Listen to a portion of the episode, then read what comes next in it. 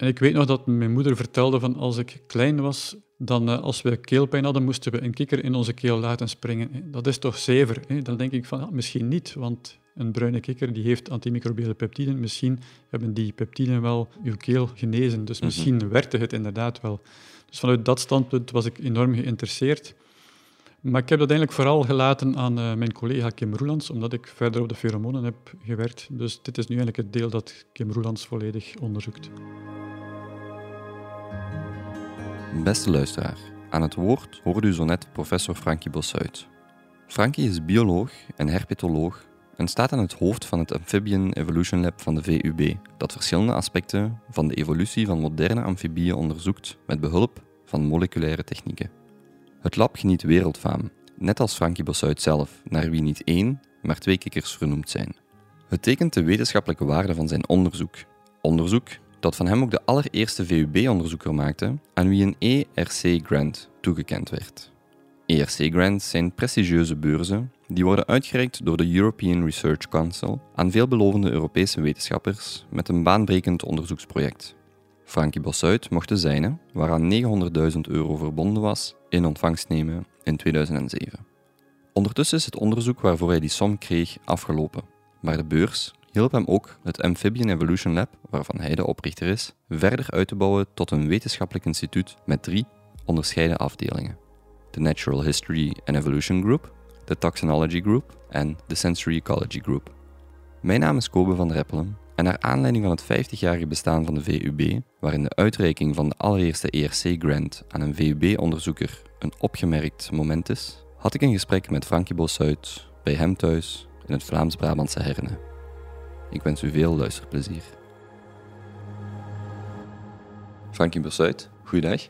Goedemorgen. In het kader van het feestmagazine van de VUB spreek ik vandaag met u, voornamelijk over uw engagement bij de VUB, de ERC-beurs.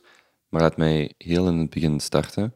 U bent bioloog. Op welk moment in uw leven, in uw jonge carrière, of misschien zelfs nog jonger, wist u dat u bioloog wou worden? Ik wist dat eigenlijk heel vroeg. Ik ben eigenlijk uh, bijna geboren met de natuur in mijn lichaam en met de liefde voor de natuur en voor de biologie. Alleen heb ik toen ik 18 was besloten dat een bioloog waarschijnlijk iemand was die voor de rest van zijn leven moest lesgeven. En uh, ben ik industrieel ingenieur biochemie geworden en met specialisatie brouwerij. En pas later eigenlijk heb ik gedacht van dat was de verkeerde keuze. Dus ik ga veranderen en ik ga nu toch nog biologie studeren. Maar toen was ik al 28. Dus, uh, Terug dan naar uw achttiende. Wat was dan toch de druppel om, of, of de reden dat u voor ingenieur koos en niet voor biologie? Was die biologische interesse of die interesse in de biologie nog niet groot genoeg of nog niet ontwikkeld genoeg op dat moment? Ja, toch wel. Dat was 100% ontwikkeld. Alleen, ja, je spreekt met mensen en dan zijn er, toen was het nog landbouwingenieur, dat is nu vandaag bio-ingenieur. Ja, dat is een mogelijkheid, of industrieel-ingenieur of, of brouwerij. Maar mijn hart zei biologie, maar ik dacht altijd, mm, ja, er is geen carrière voor een bioloog, dacht ik toen. Dat is natuurlijk niet zo, dat weet ik nu. maar op dat moment vertrouwde ik mezelf niet daarin. Mijn ouders hebben me nooit tegengehouden. Die hebben altijd gezegd, doe wat je wilt, volg uw hart. En ik heb zelf besloten om geen bioloog te worden op dat moment. Wat ook geen verkeerde keuze was, want zo heb ik ook eens van een andere kant van het leven kunnen genieten. Maar uh, uiteindelijk was het toch biologie dat ik moest doen. U bent dan afgestudeerd, u heeft die studie biologie gedaan. Wat heeft u dan direct daarna gedaan? Waar bent u begonnen? Ik ben toen direct begonnen uh, met een doctoraat op Indische amfibieën, want daarvoor was ik uiteindelijk begonnen met biologie, omdat ik een passie had voor Indische amfibieën en omdat ik dacht van, ja, daar zit nog een biodiversiteit die nog niet ontdekt is, dus die wil ik beschrijven. Uh, ik ben daarvoor naar uh, Gosselies geweest, bij een prof die gespecialiseerd was in walvissen. Dus die was niet gespecialiseerd in kikkers, maar die had wel alle technieken in huis over genetisch bekijken hoe divers dieren zijn. Dus ik dacht, ja, dat is de ideale promotor, dus ik ga daar mijn doctoraat doen. Wanneer wist u dat u die amfibieën wou bestuderen? Ik neem aan dat amfibieën, vanuit mijn perspectief, is een vrij specifiek domein.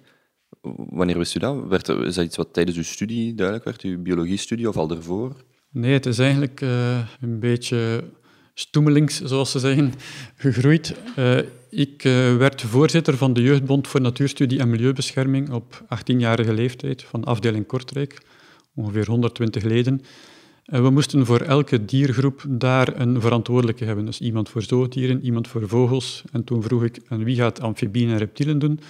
En er was niemand. ik dacht, ja, ik ben voorzitter, ik neem die verantwoordelijkheid, dus ik ga dat maar doen. En toen heb ik iemand gecontacteerd die toen veel op tv kwam, André van Ecke, die altijd in de quiz laten, Leven en Laten Leven, die daar altijd de antwoorden van amfibieën en reptielen verbeterde. En die heeft daar heel positief op gereageerd. Er was toen nog geen e-mail, dus dat was echt een handgeschreven brief. En plots kreeg ik telefoon, ga je eens mee in het veld met mij? natuurlijk heb ik dat gedaan. En daarna zei ja, je lijkt wel gemotiveerd. Ik ga binnenkort twee weken naar Joegoslavië. Bestaat nu niet meer, maar toen uh, Joegoslavië, om amfibieën en reptielen te zoeken. Ga je mee? Dat heb ik ook gedaan. En vanaf dan heeft het mij niet meer losgelaten. U bent herpetoloog. Wat doet een herpetoloog? Ja, een herpetoloog is iemand die amfibieën en reptielen bestudeert. Wat een rare combinatie is als bioloog, want amfibieën en reptielen vormen geen monofiletische groep. Dat is een moeilijk woord misschien, maar wil eigenlijk zeggen, die zijn niet de nauwste verwanten. Dus eigenlijk, je zou even goed kunnen zeggen, ik bestudeer bijen en koeien. Die passen ook niet bij elkaar. Maar herpetologie is eigenlijk de dieren die kruipen. En amfibieën en reptielen zijn dieren die redelijk kruipen, vandaar dat ze in één groep zitten. Maar eigenlijk evolutief en als evolutiebioloog horen die eigenlijk niet bij elkaar. Ja, dus het zijn twee groepen die we samen nemen vanuit ons perspectief, namelijk dat zijn alle twee dieren, of daarin zitten dieren die kruipen. Ja. Maar puur uit evolutionair oogpunt hebben die eigenlijk niet zoveel gemeenschappelijk, of net zoveel als een zoogdier en een amfibie, bij wijze van spreken. zoiets, ja. Was dat een keuze binnen de studie biologie, de herpetologie? Was dat daar al een, een aftakking van, of kwam dat later, die specialisatie? Nee, dat bestond niet. Dat was, je kon kiezen tussen moleculair bioloog, laten we zeggen, of iemand die dan meer naar de ecologie en de dieren en de planten kijkt. Dat waren de grote richtingen eigenlijk. Dus de amfibieën en reptielen, dat moest ik zelf doen. Er was ook niemand aan de VUB die daarin gespecialiseerd was. Vandaar dat ik dan maar naar een ander labo getrokken was, dat nog altijd niet gespecialiseerd is in amfibieën en reptielen, maar dan toch wel in de technieken waar ik in geïnteresseerd was. Dat was bij het onderzoek naar de walvissen, maar waar dat u wel in contact kwam met de technieken om het onderzoek te doen. Inderdaad, ja. U kwam dan terug van dat doctoraat. Is dat wanneer het uh, Amphibian Evolution Lab opgericht werd, of kwam dat later? Ja, officieel niet, maar ik heb toen wel beginnen met studenten spreken. Mijn collega Kim Roelands nu, dat was mijn eerste student in ons labo. Toen is het wel begonnen om uh, ja, mensen rondom mij te verzamelen om iets te doen, maar officieel was ik nog niet, uh, ik was nog geen professor, dus ik had nog geen labo. Als u het zelf kort moet samenvatten, wat doet dat labo precies? Wat zijn jullie doelstellingen? Wel, het is het Amphibian Evolution Lab dus de evolutie van amfibieën, maar op alle mogelijke vlakken eigenlijk. We vertrekken eigenlijk altijd vanuit een observatie in de natuur en we vragen ons af, ja, wat is hier eigenlijk aan de hand? En dat proberen we dan op te lossen zo ver mogelijk. En heel dikwijls gaat dat tot op moleculair niveau. Dus we bestuderen bijvoorbeeld pheromonen. Dat zijn de geur, verbeter mij als ik fout zit, want ik ben de geïnteresseerde leek in dit geval, maar dat zijn de, het onderzoek rond de geur die door uh, dieren, of in dit geval amfibieën, wordt doorgegeven. Ja, klopt. Ja. En die dan een verandering in het gedrag van dezelfde soort gaan teweegbrengen. Dus we bestuderen dit. Dat was eigenlijk vertrokken vanuit de observatie dat in de natuur bijvoorbeeld salamanders met een staart zwaaien tijdens het voortplantingsseizoen. De mannetjes zwaaien met een staart. En daarvan werd gezegd, ja, die scheiden pheromonen uit. Alleen wist niemand ja, wat is dat nu? Welke moleculen is dat nu? Dus we hebben dat gedrag bekeken, we hebben de moleculen geïsoleerd, eh, we hebben gekeken hoe het dan werkt, wat het dan echt doet op het uh, gedrag van het vrouwtje enzovoort. Dus we gaan eigenlijk van een observatie tot het moleculair niveau, dat we het proberen uit te leggen hoe het werkt. Ik wil daar even voor de geïnteresseerde luisteraar een stukje van op de vrt.be, een nieuwsbericht over die sekspheromonen, uh, uit citeren. Een geur die onweerstaanbaar maakt, het houdt mensen zodanig bezig dat de parfumindustrie zonder enig probleem een miljardenbusiness is geworden. Nochtans is het bestaan van sekspheromonen, lichaams-eigen geurstoffen die iemand voor een partner onweerstaanbaar maken, of toch minstens aantrekkelijker maken, bij mensen nog altijd niet bewezen. Bij dieren daarentegen is het absoluut zeker dat er soorten bestaan die over zo'n geheim wapen beschikken, onder meer de watersalamanders. Dus in dit geval is er dan een specifieke observatie, namelijk afgeven of het uitstoten of als dat de juiste mhm. beschrijving is, van die pheromonen. En dan doen jullie daar het onderzoek op tot op moleculaire schaal. Mhm. Het labo heeft drie onderzoeksdomeinen. Als u die even wilt toelichten, ik zal ze even voorlezen. Dat zijn de, Natural History and Evolution Group, dan de Toxinology Group en de Sensory Ecology Group. Kan u daar mhm. meer, uh, meer, over vertellen? Uh, dus de Natural History is eigenlijk de groep waar ik mee gestart ben. Het komt er eigenlijk op neer de diversiteit beschrijven. Dus uh, ik heb in het begin van mijn carrière heb ik vooral in India gewerkt, in die subcontinent, dus Zuid-Indië en Sri Lanka. Omdat ik daar gezien had dat ja, de helft van de kikkers die ik daar zag, toen ik daar de eerste keer kwam, dat was in 1991, dacht ik van, ja, die staan niet in de boeken. Hier is iets groots aan de hand en ik weet niet wat. Hoe weet u dat een kikker niet in een boek staat, op dat moment?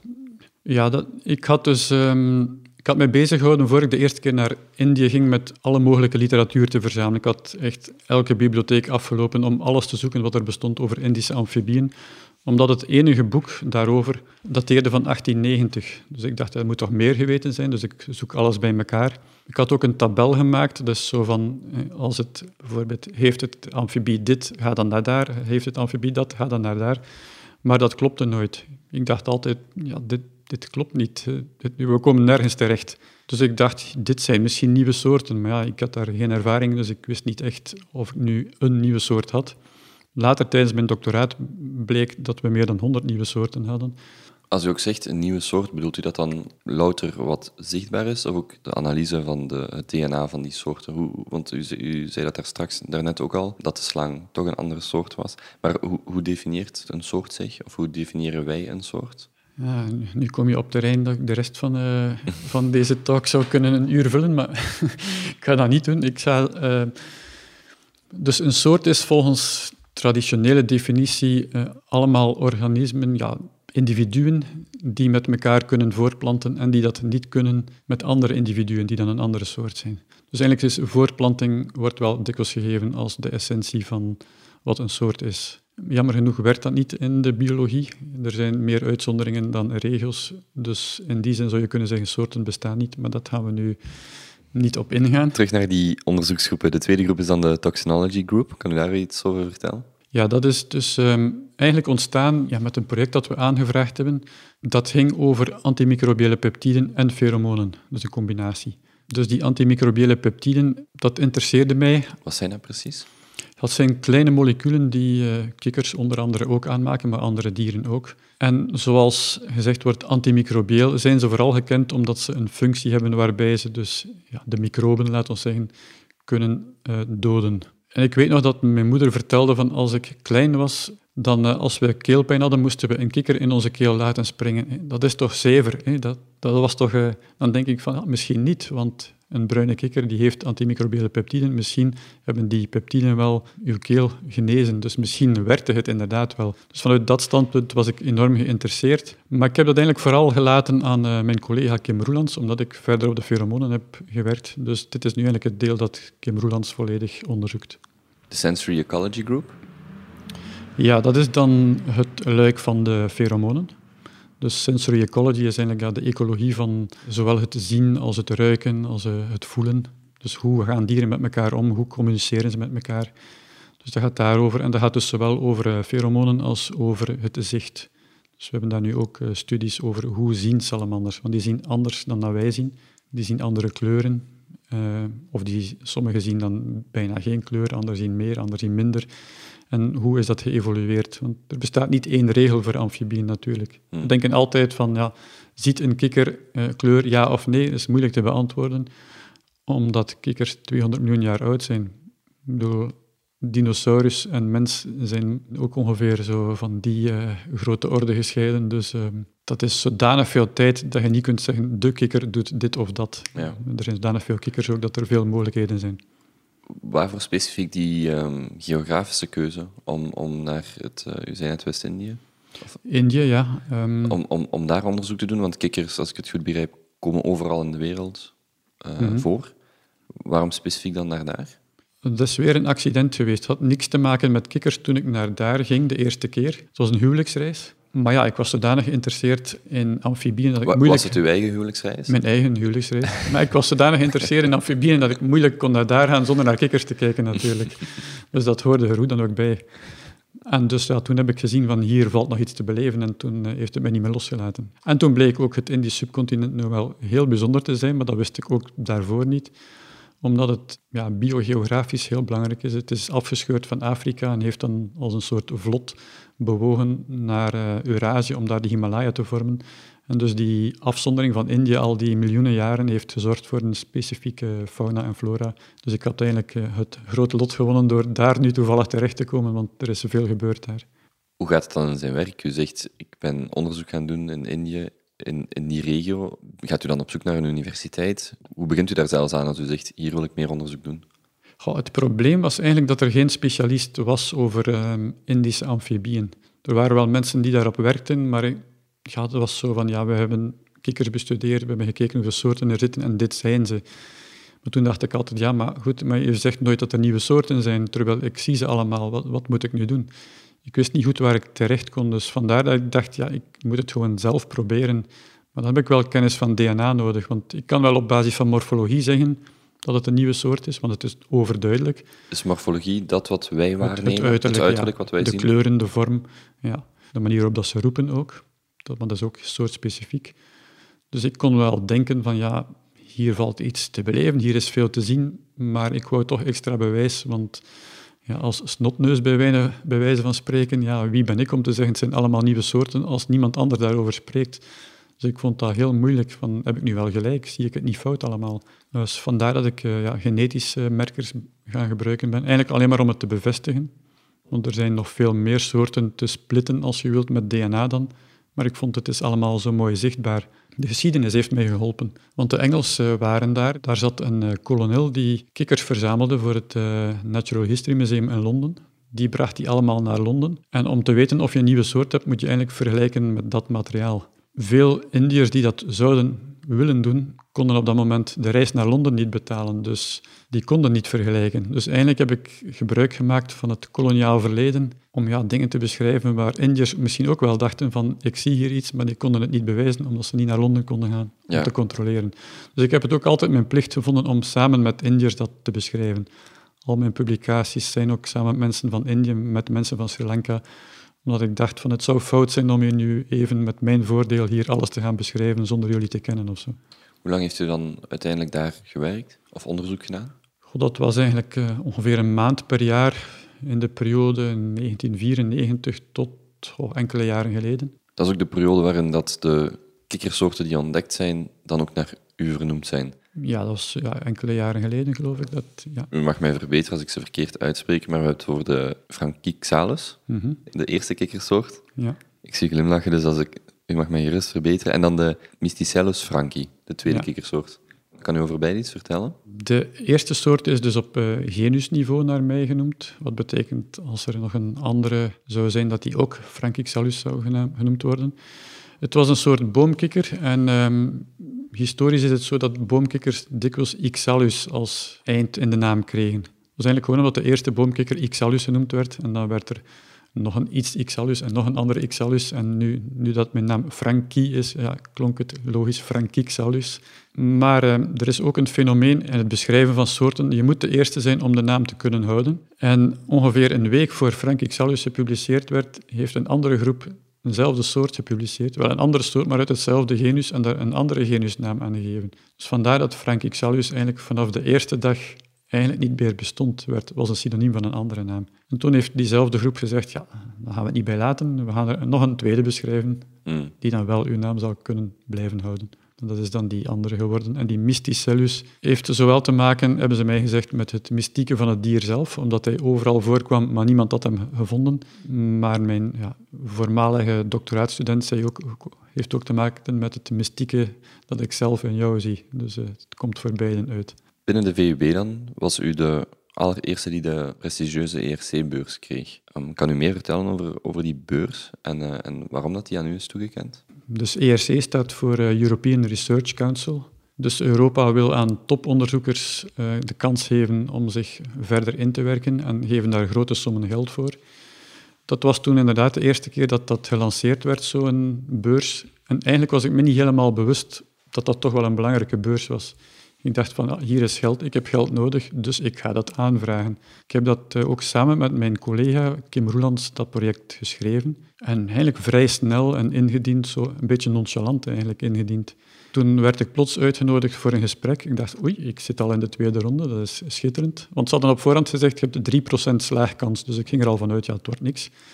Dan word ik plots uitgenodigd. Ik dacht nog altijd niet, dit is een belangrijke beurs. Om de een of andere reden had ik het nog niet door. En ik moest een presentatie voorbereiden. Ik zit daar dan te wachten in Brussel. En ze zeggen, je moet je presentatie voor een, jury komen vertellen. En tien minuten voor ik binnen moet, zeggen ze, hier is de lijst van de juryleden. En ik zie daar allemaal namen van de topwetenschappers van Europa. En toen plots daagde het van, wow, dit is hier heel belangrijk. Ik sta hier voor, uh, voor topwetenschappers. Dit is blijkbaar een belangrijke beurs. Ik had het nog niet door. Zo. Maar ja, ik heb mij verdedigd en toen ook het gehaald. Dus ik was daar heel tevreden mee. Wat was de inhoudelijke aanvraag die u deed? Dat is eigenlijk nu, wat we dus nu in nog twee onderzoeksthema's zien, pheromonen en antimicrobiële peptiden. Dus we hadden het project TAPAS gedoopt, wat staat voor Tracing Antimicrobial Peptides and Pheromones in the Amphibian Skin. En tapas slaat op het feit dat het kleine moleculen zijn dat we zoeken. Dus zoals tapas, eigenlijk kleine dingetjes. En niet beperkt tot Spanje? Ja, inderdaad. U verwijst er zelf naar. Wat zijn nu de concrete resultaten of gevolgen van het uh, onderzoek dat door die ERC-beurs mogelijk is gemaakt? We hebben dus een nieuwe richting, eigenlijk twee nieuwe richtingen opgestart. Dus de ene is die pheromonen. We hadden dat op voorhand nog nooit bestudeerd. We wisten ook niet wat er zou gebeuren. Het eerste jaar was eigenlijk ook sukkelen tot en met. Want je kunt wel zeggen, we gaan amfibieën bekijken, hoe ze zich gedragen. Maar als je een kikker in een doos zet, dan springt hij rond omdat hij uit die doos wil. En of daar nu pheromonen heeft of niet, die hmm. trekt zich dan niet aan. Dus we hebben eerst moeten leren hoe ga je met dieren om en hoe kun je eigenlijk gedragstesten doen, want dat was superbelangrijk. En dat was een hele strijd geweest om daar te geraken. Maar dat hebben we dan toch. We zijn er toch in geslaagd om te weten hoe doe je dat nu best en waar moet je op letten. Dus daar zijn we nu eigenlijk toch wel een redelijk belangrijke speler geworden op het gebied van pheromonen van amfibieën. We zijn uitgenodigd geweest op het congres daarover als gastspreker, wat toch toont dat we ergens iets gedaan hebben in die richting. Binnen het lab is dat een Sensory Ecology Group. Ja, dus dat is specifiek het onderzoek dat mede door die ERC-beurs mogelijk is gemaakt, ja. wat nu een onderzoeksdomein binnen het lab is, als ik dat juist beschrijf. Klopt, ja. En het andere is dan die uh, antimicrobiële peptiden, maar het is ruimer eigenlijk van uh, hoe gebruiken uh, kikkers de stoffen die uit hun lichaam komen om zich te verdedigen ook. En daar heeft mijn collega Kim Roelands eigenlijk uh, baanbrekend onderzoek gedaan. Dat is de kikker in de keel in Kortrijk. Ja, ja inderdaad. Ja. Dus die is nu eigenlijk aan het aantonen dat antimicrobiële peptiden, dat die wel antimicrobieel zijn, maar dat dat eigenlijk evolutief gezien niet hun belangrijkste functie is. Is de zelfverdediging de belangrijkste functie dan? Ja, kikkers hebben toxines, maar men vroeg zich af hoe, hoe raakt dat snel genoeg ja, eigenlijk als een slang nu aanvalt, ja, dan is de kikker opgegeten, dacht men, voordat er eigenlijk iets kan gebeuren. Nu blijkt dat die antimicrobiële peptides soort gaten maken, waardoor dat de toxines van de amfibieën sneller in het bloed van de slang raken en er dus wel een effect kan zijn. Het lab wordt geleid vanuit Brussel, maar is dat ook waar uh, het onderzoek zelf gedaan wordt? Gelijk wat u nu vertelt, dit soort onderzoek. Is dat in Brussel of werkt u nou samen met andere universiteiten? We werken samen met andere universiteiten, vooral voor bepaalde technieken. Ik vind dat we als wetenschapper niet elke machine moeten aankopen of elke techniek zelf moeten leren als er specialisten in de wereld bestaan. Dus wij leiden dat onderzoek wel, wij hebben de ideeën, wij weten wat we willen aantonen. Maar bijvoorbeeld voor proteïnonderzoek werken we samen met eh, mensen van Leuven bijvoorbeeld. Terug naar die IRC-beurs. U zei dan, tien minuten voor de presentatie zag ik de lijst met namen en dacht ik, drong het tot mij door hoe dat dit gepercipeerd wordt. Was dat dan, als u daarop terugkijkt, het mooiste moment? Of was het dan het moment dat u effectief leerde of hoorde dat u hem ook gekregen had, de beurs? Met relatie tot de ERC bedoel je het mooiste moment? Ja. Ik denk eigenlijk het mooiste moment is dat je de wetenschap aantoont. Want die beurs is natuurlijk fantastisch, maar het is ook maar geld. Hè. Het is het moment dat je met dat geld iets doet waarvan je zegt, wauw, wat heb ik nu gevonden? Dat is het mooiste moment eigenlijk. Maar dat komt pas... Dat komt pas later. Maanden, jaren soms? Ja, na een aantal jaren later wel, ja. ja. Elke nieuw onderzoek dat start vanaf nul duurt toch... Ik denk dat al mijn collega's het gaan beamen, toch vier à vijf jaar voor het echt werkt. Op welke manier zijn er extra mogelijkheden voor het labo dan gecreëerd? Maar als ik het goed begrijp, u krijgt die beurs, dat is geld. En daaruit zijn dan die twee voornamelijke onderzoeksdomeinen ook voortgekomen met concrete resultaten. Klopt, ja. Dus je krijgt plots veel geld en ehm, ja, daar betaal je vooral lonen mee. Dus ik heb een aantal mensen kunnen in mijn labo aantrekken, onder andere iemand van India. Alhoewel, daar ben ik nu wel fout, want die was er eigenlijk al voor ik dat geld had. Maar het was wel omdat ik ander geld had dat ik hem kon aantrekken. Dus geld is belangrijk in die zin. Dus bijvoorbeeld die persoon van India, op een bepaald moment komt hij naar mij van ik zou graag een doctoraat doen. Hij had al gepubliceerd, ik wist wat hij kon en ik dacht van die heb ik nodig. Had ik op dat moment geen geld gehad, dan had ik moeten zeggen, sorry, vertrek maar. Terwijl nu zijn daar schitterende publicaties uitgekomen. Mijn eerste Nature paper was met hem. En ik wist direct, als die hier kan blijven, dan gaan we schitterende dingen doen. Dus op die manier heb je geld nodig natuurlijk. Dan naar het heden. Doet u vandaag nog veel veldwerk? Veel te weinig, maar ik ben van plan om daar iets aan te doen. Op dit moment um, ja, zit ik vooral achter mijn bureau artikels te schrijven en zo. En ik vind dat jammer en ik ben van plan om weer meer in het veld te trekken, om ook meer zelf te ontdekken en niet te wachten tot uh, mijn studenten mij komen zeggen wat fantastisch ze gevonden hebben. Dus. Ja, hoe doet u dat dan concreet? Hoe, hoe maakt u dan die tijd? Of hoe creëert u die tijd? Door te vereenvoudigen, door bepaalde zaken niet meer te doen. Uh, om het bijvoorbeeld wel op mijn cv mooi zou staan, maar ik denk van ik heb er geen plezier aan en ik vraag me af of de mensen het ooit gaan lezen. Eigenlijk zou ik het alleen nog doen voor de cv en dat is niet de juiste doelstelling. Dus door dingen af te bouwen kan je anderen weer opbouwen en komt er tijd vrij. Dus dat is mijn plan eigenlijk in uw eigen bio op het uh, Amphibian Evolution Lab op de website. Staat een bio in het Engels. Ik ga hem niet volledig voorlezen, er zitten veel moeilijke Engelstalige woorden in. Ik zal dit stukje voorlezen. Science becomes really fun with an integrative approach in which tempo and mode of evolution are linked to biogeography, speciation, morphological diversification, sexual communication, etc. We hebben het daarover gehad. Maar ik las dan in een artikel over onderzoek dat u heeft gedaan, wat zich dan betrekt op, denk ik, de biogeografie en de geologie. Ik ga een kort stukje ervan voorlezen. Iedereen heeft ooit wel in de aardrijkskunde les geleerd dat het oercontinent Gondwana heel lang geleden, tot 145 miljoen jaar geleden, uit elkaar is gescheurd tot de verschillende continenten die we vandaag kennen. Dat betekent dat alle dieren, behalve bijvoorbeeld vogels en zeevissen, voortaan voorgoed van elkaar geïsoleerd waren en zich onafhankelijk van elkaar verder ontwikkelden. Toch blijkt de theorie van de geologen niet helemaal bruikbaar. Dat hebben enkele onderzoekers van de VUB nu ontdekt.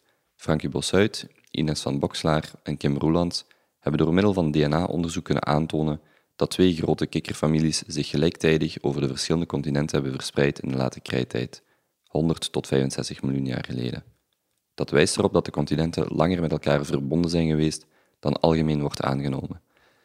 Wat ik hier zo fascinerend aan vind, is dat als ik mij een voorstelling probeer te maken bij uw onderzoek, amfibieën, kikkers, dan denk ik direct louter aan het beestje, de kikker zelf, maar niet aan de bredere implicaties zoals dit bijvoorbeeld, en verbeter mij of het dit onder geologie of biogeografie valt. Maar dit is fascinerend voor de bredere context. Dus wat ik wil aanhalen is, het is niet zo dat u louter in een labo zit onderzoek te doen, zeer specifiek, zeer technisch, op zelfs moleculair niveau, maar dat er ook veel bredere implicaties zijn aan dit type onderzoek. Dat klopt enerzijds zeker. Nu heb je natuurlijk wel een artikel uitgekozen eh, waar wel wat commotie rond was. Omdat natuurlijk wat wij zeggen en wat in de krant komt, is dikwijls iets anders. Ik herinner mij nog, toen ik s morgens, eh, de dag na het verschijnen van dit artikel, koffie zat te drinken, kwam een geoloog naar mij. Wat heb jij gedaan?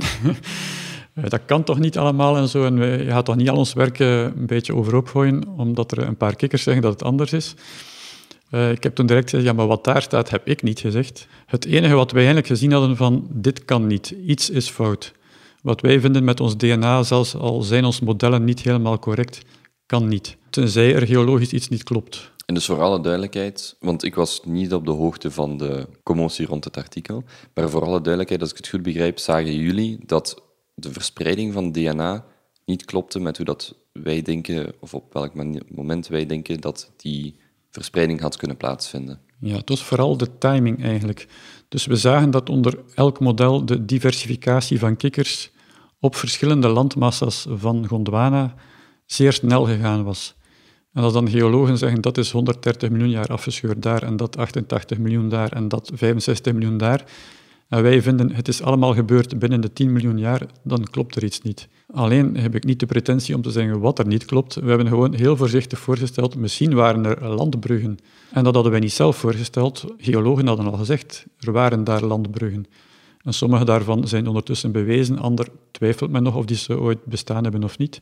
Maar amfibieën hebben iets heel specifieks, die hebben een gevoelige huid. Je kan een amfibie niet in het water gooien en hopen dat het oceaan oversteekt en aan de andere kant toekomt, want dan zou natuurlijk ons argument weg zijn.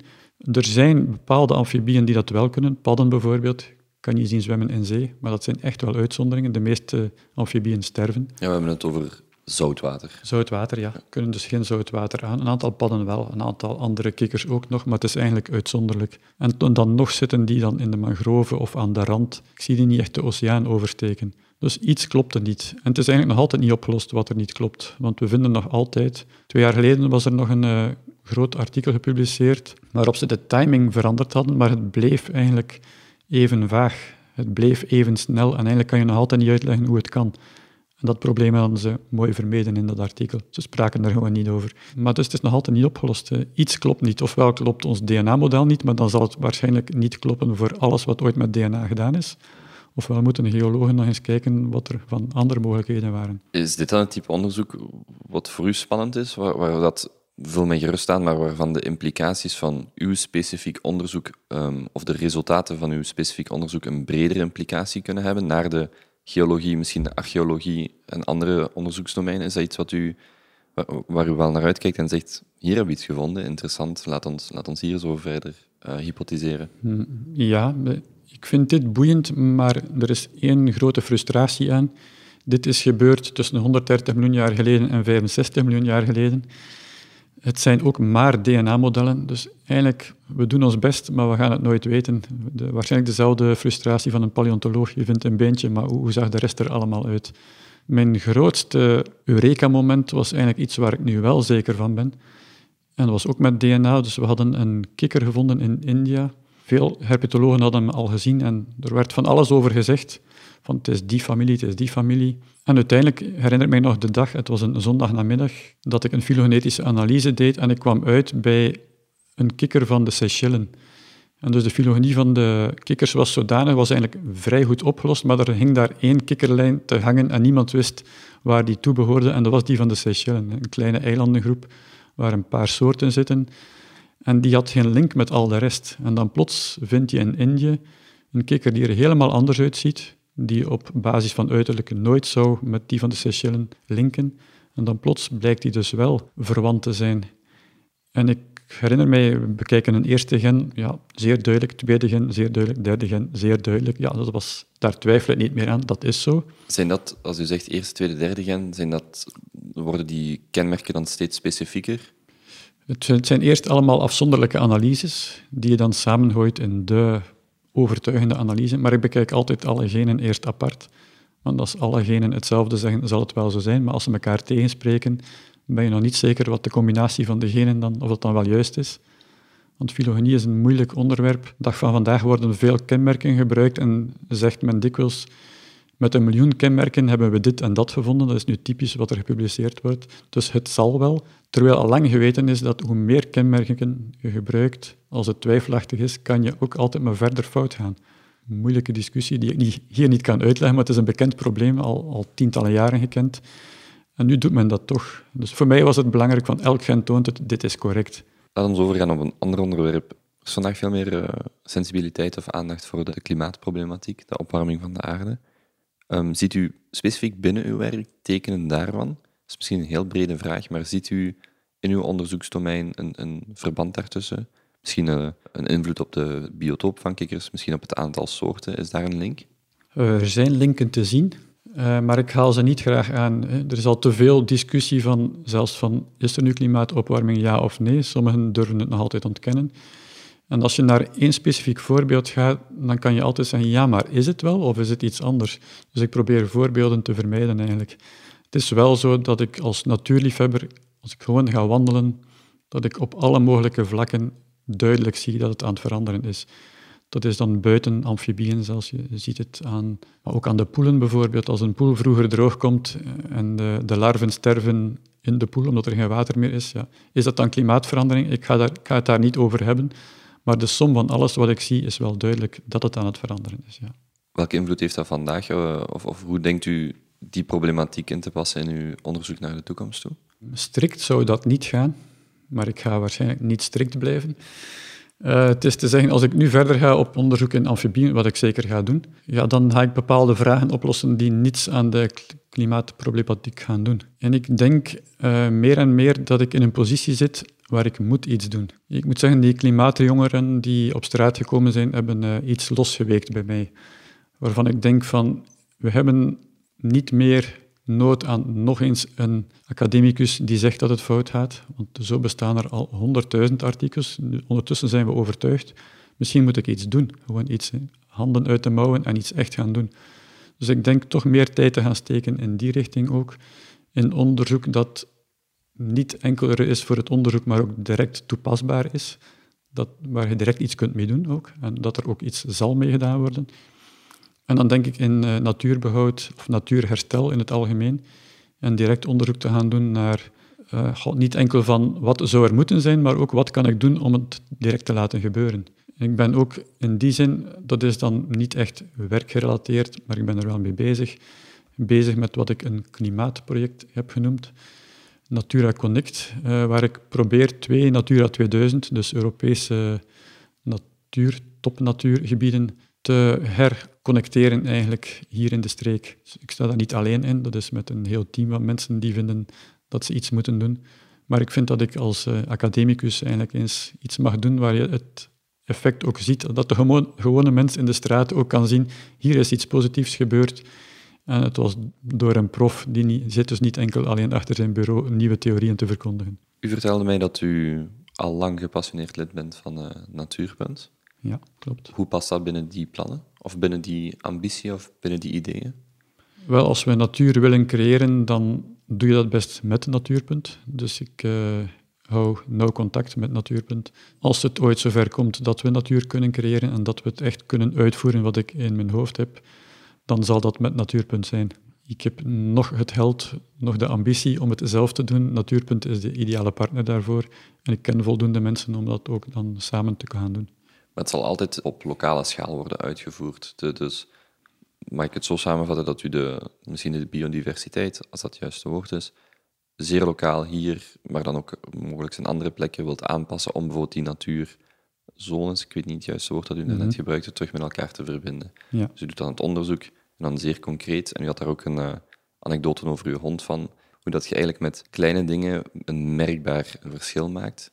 En ook, ik ga u de anekdote zelf laten vertellen, eigenlijk hoe, wanneer we het bijvoorbeeld hebben over de klimaatverandering of de opwarming van de aarde, wat een groot thema is, hoe dat, dat eigenlijk ook een, een zeer nauwe band heeft met uw dagelijkse realiteit en met, zoals u zegt, de, de, polders of, de, of het water dat uit de Maas of uit de Schelde niet komt mhm. en, en, en de biodiversiteit binnen zelfs uw eigen tuin. Ja, uh, ik, ik, ga eerst twee dingen zeggen. Dus het project dat we hier hebben uh, heeft de naam Natura Connect en dat heeft een uh, dubbele bodem eigenlijk. Enerzijds is het het herconnecteren van natuur, maar het is ook vooral de mens weer laten connecteren met de natuur. Ik denk dat we dit vandaag veel te weinig hebben. We zijn gegaasd, we vliegen van het een naar het ander. En op het einde van de dag gaan we op restaurant, want tijd om te koken hebben we niet meer. Dus we eten ook niet meer gezond en dan smijten we ons voor tv, want morgen begint een nieuwe dag. Dus het gaat dus verder dan zomaar natuur maken. Ik vind dat we ook moeten connecteren met de natuur, want anders gaat die natuur niet geapprecieerd worden en niet gedragen worden door de bevolking. En, en om dan de anekdote te vertellen, dus uh, wij proberen hier in straat altijd uh, amfibieën over te zetten. En ja, meestal combineren we dat met de hond uitlaten. Maar ondertussen heeft onze hond geleerd dat wij enthousiaste amfibieënzoekers zijn. En dus um, de amfibieën die in het gras zitten en die ik dus niet zie of niet merk, komt de hond even met de snuit aanwijzen van hier zit er ook een. Dus uh, dan zie je dat eigenlijk dieren eigenlijk heel nauw met ons ook kunnen geconnecteerd zijn en, en een heel plezante manier van werken kunnen geven. Dat je dus samen met je hond eigenlijk amfibieën kunt gaan zoeken, zonder dat ik ooit eigenlijk getoond heb van dit is wat je moet doen. Je ziet de, de verstedelijking van de maatschappij, van de samenleving. Bent u dan ook erg geïnteresseerd in hoe bijvoorbeeld steden leefbaarder kunnen worden? Ik, ik heb het vandaag zeker over alle aspecten. Toen ik 18 jaar was, was ik iemand die mee veel met andere groene jongens zeiden uh, de landbouw staat in onze weg, want we hebben te weinig natuur. Nu denk ik dat helemaal niet meer. Nu denk ik van landbouw kan ons helpen om meer natuur te creëren. En bovendien zouden we niet enkel meer natuur hebben, maar meer geluk. En gaat ook de landbouwer meer geluk hebben. Dus ik denk nu na over hoe we eigenlijk alles kunnen herorganiseren. Ook de stad, ook groen in de stad trekken. Om gewoon allemaal een mooier leven te hebben. Meer ecologie, meer biologie, meer natuur en meer geluk, vooral ook voor iedereen. Dus ik, ik denk dat dat kan. Maar de meeste mensen zijn daar nog niet van overtuigd. Dus het wordt een zeer zware opdracht om daar dingen te gaan en doen die ook praktisch een effect hebben.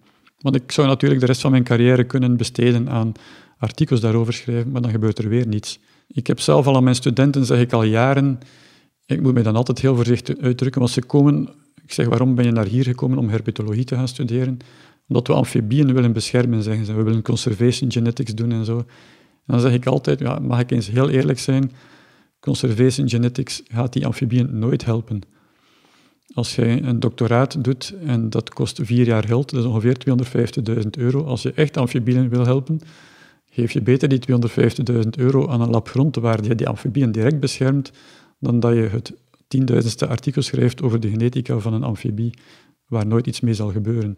Daardoor krijg ik dan al snel de naam van hij is tegen conservation genetics. Nee, absoluut niet. Ik ben net voor conservation. Ik ben gewoon realistisch. En daarom wil ik dus voor een deel proberen, want dat is niet gemakkelijk binnen deze functie, om daar een klein beetje uit te stappen en ook meer praktisch te gaan worden. Iets te gaan doen dat echt effect heeft. Tijdens het gesprek heeft u een paar keer uh, het begrip eenvoud, al dan niet expliciet of impliciet, vermeld. Ik wil nog een aantal laatste vragen stellen, onder andere over de toekomst van specifiek biotechnologie. U impliceerde eenvoud. En mijn vraag is, hoe, hoe kijkt u naar fenomenen zoals CRISPR, uh, genetische manipulatie, zowel misschien in de negatieve zin, maar ook de positieve zin, de zogenaamde DNA-kits, voor uh, um, uw eigen DNA te gaan onderzoeken, of mogelijk dat van uw kinderen, of mhm. de, de, de komende kinderen. Hoe kijkt u daarnaar? Ik zal met, het, met eenvoud proberen te antwoorden. Ik uh, ben enorm gefascineerd door wetenschap en ook door natuurlijk wetenschappelijke vooruitgang en technologische vooruitgang. Dus ik, ik ben daar helemaal niet tegen. Maar we moeten natuurlijk zorgen dat het niet ja, overdreven wordt. Ik ben bijvoorbeeld, om eventjes terug te komen op het klimaat, van uh, wat kan ons redden? Wat kan het hier verbeteren? En dat is dan dikwijls de discussie, is het technologie of is het net het andere? Ik denk alle twee we moeten de technologie die we hebben gebruiken, maar om nu te gaan zeggen, we gaan technologie ontwerpen om dit of dat te doen. Ik zeg zomaar iets, ehm, om een, een, extreem voorbeeld te geven, maar er zijn mensen die er diep in geloven. Als het hier fout gaat, dan gaan we naar Mars. Dan denk ik, maar als het hier al niet gaat, met alle mogelijkheden, alle schoonheid die we hier hebben, wat ga je dan op Mars gaan doen waar, waar je bijna niet kunt leven? Dus we moeten ook niet overdrijven. Zelfs al zou het gaan om naar Mars te gaan, en zelfs al vinden we alle mogelijke raketten, alle, alle mogelijke technieken, denk ik, dat is toch niet de oplossing, dat kan het gewoon niet zijn. Dus ik zou weer pleiten voor eenvoud. Maar natuurlijk, technologie niet uh, afstoten, dat zou als wetenschapper niet zo verstandig zijn natuurlijk. Wie is een voorbeeld voor u? Wel dan, ik was tegen niet dat het hier naartoe ging, maar omdat je zegt, ik spreek voortdurend over eenvoud, terwijl de persoon die gekend is om zijn uitspraak eenvoud, eenvoud, eenvoud, en dat is uh, Henry David Thoreau, die uh, ja, midden 1800 ehm, in een huis in het bos is gaan wonen voor een jaar en een half. En dan zowel de natuur als de mens even van op afstand rustig bekeken heeft. En conclusies maakte die nog altijd brandend actueel zijn eigenlijk. En moest hij nu zien hoe ver we nu staan, waarschijnlijk zou hij achterover slaan van het, van het verschot. Stel, u kan hier uh, in de natuur een wandeling gaan maken, een uh, uitgebreide wandeling. Wie, wie, wie neemt u mee? Ik denk, uh, om maar controversieel te blijven, dat ik Lamarck zou meenemen en dus niet Darwin. Omdat ik wel eens zou willen weten, wat ging er allemaal in je hoofd om? Want hij wordt zo nogal beschouwd als degene die, ja, dus, die het verloren heeft. Hè. Dus Darwin had gelijk, Lamarck niet. Maar Lamarck zat er toch niet overal naast. Die had heel mooie ideeën. En ik denk dat hij te weinig erkend wordt en ik zou wel eens met hem willen spreken, hoe zag je dat eigenlijk? Want ik ben zeker dat je bepaalde dingen juist in je hoofd had. Voor die tijd natuurlijk, en niet met de kennis van vandaag, want dat kon niet. Maar voor die tijd eigenlijk wel, dat hij het meer juist had dan dat we nu denken eigenlijk. En iemand die nog leeft? Als u vandaag met eender wie hier kan wandelen? Een, wetenschapper, of mag het in breedste zin? Mm, mag in de breedste zin zijn. Dan zou ik eigenlijk wel eens met David Gilmour van Pink Floyd willen rondwandelen. Omdat ik zelf een gitarist ben. En dat ik vind dat hij eh, op een manier speelt die zeer ontroerend kan zijn. En ik zou wel eens willen weten, hoe doe je dat nu eigenlijk allemaal? Ook de teksten zijn heel ontroerend, maar die zijn niet altijd van hem, die zijn ook soms van Roger Waters. Maar goed, hij heeft er ook zelf geschreven, die ook zeer ontroerend zijn. Ja, ik denk dat hij wel een soort gedachtengoed heeft waar ik eens wil, niet enkel over gitaar, van hoe speel je, maar blijkbaar zitten we toch op, op een zekerzelfde hoofdlengte los van de gitaar ook, als ik zijn teksten zie. Dus. Stel, een, uh, intelligente student komt naar u toe en zegt: Ik wil de Frankie Bossuit van mijn generatie zijn. Wat zegt u dan? Niet doen. ik zou zeggen, je moet uh, uzelf van uw generatie zijn en zeker niet de Frankie Bossuit willen zijn. Dus doe wat je graag doet, ga voor je passie en dan zult je uzelf zijn. Je moet zeker niet Frankie Bossuit proberen te zijn. Dan ga ik u bij deze bedanken, Frankie Bossuit. Nog heel veel succes in de toekomst en uh, dank u wel. Dank u wel.